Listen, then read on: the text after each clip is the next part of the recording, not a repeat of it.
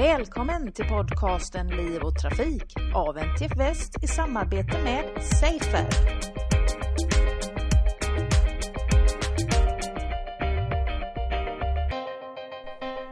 Idag så träffar Liv och Trafik Paul Hemmerén som är lektor i kognitionsvetenskap vid Högskolan i Skövde. Och Högskolan i Skövde är en ganska ny partner till Safer. Eh, välkommen till programmet! Tack så mycket, spännande! Du ska berätta idag om ett projekt som heter Urbanist som eh, finansieras av Länsförsäkringar. Eh, men innan du berättar mer om det så tänkte jag fråga dig först. Vad gör man inom kognitionsvetenskapen? Kognitionsvetenskapen handlar om eh, människans hjärna och hur människans tänkande fungerar. Hur vi inhämtar inf information och hur vi använder den informationen för att agera i vår omgivning helt enkelt. Vad är bakgrunden till det här projektet och vad handlar det om? Bakgrunden till Urbanist handlar om att eh, vi kan eh, som människor är vi eh, väldigt bra på att upptäcka och se vad andra kommer att göra utifrån hur de rör sig. Som kognitionsforskare är jag intresserad av att eh, undersöka hur vi kan uppfatta och predicera, avläsa andras intentioner människan är väldigt duktig på, eh, på detta.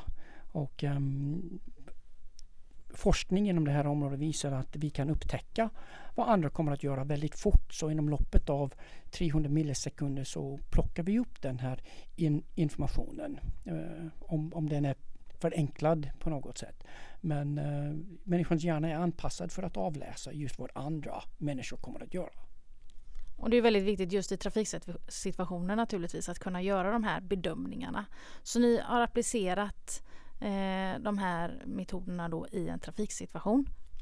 Ja, vi, ursprungligen så började vi titta på hur fotgängare beter sig och om vi kunde använda den här informationen för att predicera, avläsa vad fotgängare har för intentioner när de står vid en korsning. Om de kommer att stanna eller om de kommer att kliva ut i trafiken.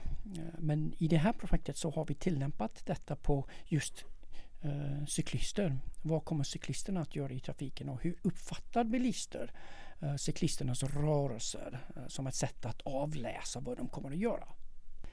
Och vi har spelat in sekvenser där cyklister eh, cyklar mot ett övergångsställe och så sen klipper vi det här bandet ett antal meter före korsningen. Och då ställer vi frågan till personer som tittar på de här sekvenserna. Vad kommer cyklisterna göra? Kommer cyklisterna att svänga eller cykla rakt fram? Och då vill vi se hur bra folk är på att se vad cyklisten kommer att göra och hur säkra de är och vilka signaler de uppfattar. Och eh, vilka signaler är det man avger som cyklist nu då? Ja, det är en uppsättning av lite olika signaler beroende på om cyklisten ska svänga eller cykla rakt fram. Uh, svängande cyklister brukar det handla om tramprörelser och att man förändrar hastigheten, man saktar ner. Huvudrörelse är också väldigt viktig. Om en cyklist ska cykla rakt fram då är det framförallt hastigheten som spelar roll. Det vill säga man förändrar inte hastigheten nämnvärt. Och detta kan folk uh, tydligen uppfatta hur bra har bilisterna i den här eh, eh, hypotetiska situationen då varit på att göra de här förutsägelserna? Om man tänker 3,5 meter före, före korsningen så har vi hittat en träffsäkerhet på närmare 85 procent. Så det är en väldigt hög eh, träffsäkerhet. Så folk är ganska duktiga på detta. Om man vid 9 meter så är det kanske 60-65 procent. Så de här kritiska signalerna verkar äga rum mellan 3,5 och 9 meter före, före en korsning.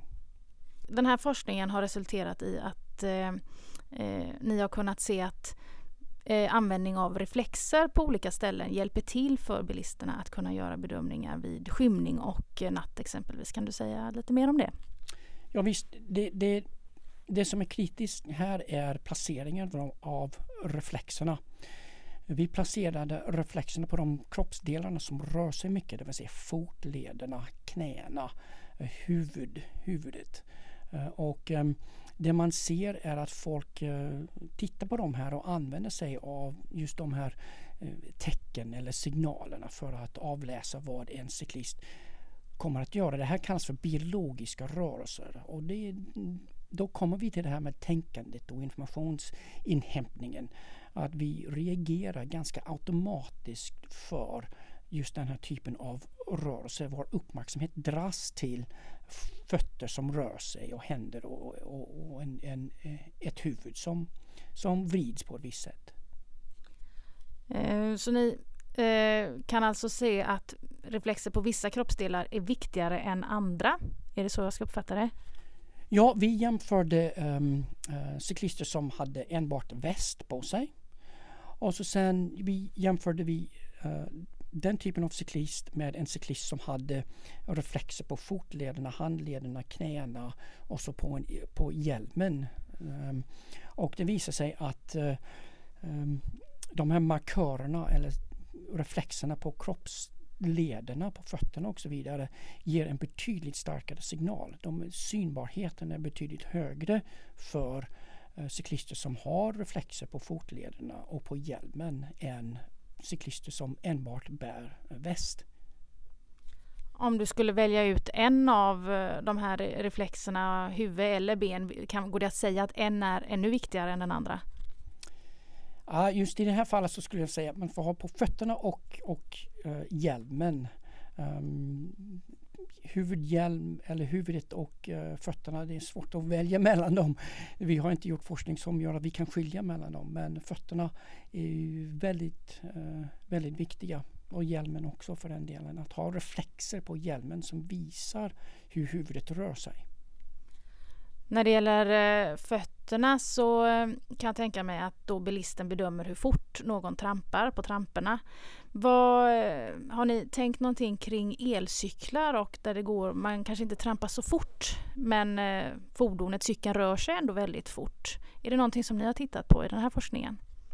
Tyvärr har vi inte tittat på det men det är en, en mycket spännande fråga. och Jag tror att det är helt rätt att det kan bli eh, andra signaler där och ehm, det kan ställa till det därför att just hastighet och tramprörelse kanske inte är i, i samma synk som, som hos en ehm, vanlig, vanlig cykel. Att man bedömer hastigheten utefter liksom tramp, tramprörelsen, hur den ser ut och den, det förhållandet är ju, blir en helt annan med en e-cykel. Går det att eh, överföra den här kunskapen till eh, trafiken i andra länder också? Eller är det här beroende av eh, vilken kontext och trafikkultur man befinner sig i, hur bilisterna tolkar cyklisternas rörelser? Ja, det är också en mycket spännande utvidgning av den här forskningen, någonting som vi skulle vilja titta närmare på och det är en eh, ytterst relevant fråga. Eh, det kan variera ganska mycket mellan länderna hur bilisterna, vilka signaler bilister plockar upp ifrån folk som närmar sig en, en, en korsning. Det kan vara fotgängare, det kan vara cyklister att um, kulturen och de normer som finns där skiljer sig. Och då vill man inte bara tillämpa från liksom ett svenskt sammanhang eller västerländskt sammanhang och säga att alla länder, liksom, folk beter sig på samma sätt, vilket antagligen inte är fallet. Och då måste vi fånga upp de situationerna också. Om du får spekulera lite, tror du att cyklister överlag är medvetna om hur viktiga de här signalerna är? Att man ger rätt signaler i rätt tid så att säga? Vår forskning visar att eh, folk är väldigt förvånade över hur osynliga de är på nattetid när jämfört med om de har reflexerna på sig. De tittar på våra filmsekvenser och många kommentarer som vi får av de här personerna som, som gör våra test är Wow! Jag visste inte att det var så stor skillnad. Speciellt vad gäller utan något, något reflexmaterial och så väst och så sen de här eh, reflexmarkörerna på fotlederna till exempel. Det är, en, det är en väldigt stor skillnad. Vad hoppas ni att den här forskningen kommer leda till nu i ett nästa skede? Ja, det, det, finns en ganska omedelbar tillämpning och det är att folk använder reflexer på ett annat sätt nu. Man har dem på fotlederna, man har reflexer på hjälm vilket man kanske inte riktigt har tänkt på så mycket. Så det finns en, en, en väldigt relevant fråga för just uh, hjälmdesign. Eh, men sen finns det också ehm, eh, en tillämpning vad gäller utveckling av säkerhetssystem i bilar. Så vilken information skulle man kunna använda för att predicera vad cyklister och fotgängare kommer att göra i, i, i, i trafiksituationen?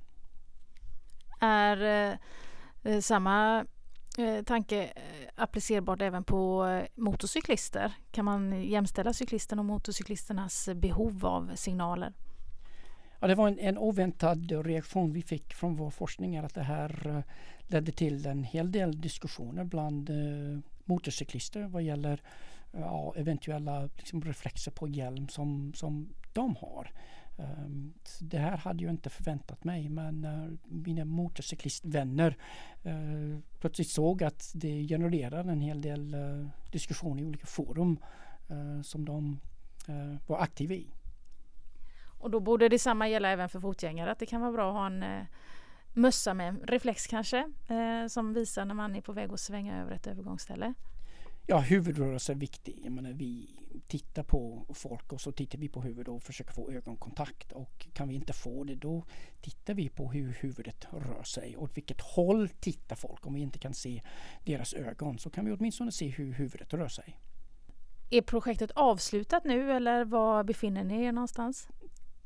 det här är en väldigt spännande början till projektet och eh, vi skulle gärna vilja fortsätta och vi har planer för ytterligare experiment och vi har eh, ansökningar inne för att fortsätta forska kring en del av de här frågorna som, som du själv har ju ställt och de är relevanta för en, en, en fortsättning.